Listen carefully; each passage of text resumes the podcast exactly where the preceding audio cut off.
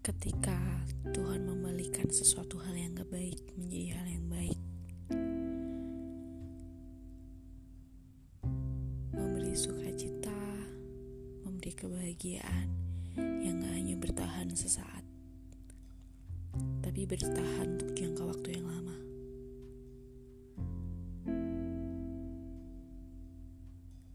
Be good, karena Tuhan selalu good dalam setiap kehidupan kita, dalam setiap musim hidup kita. Ya, yeah, He is good, and let's be good.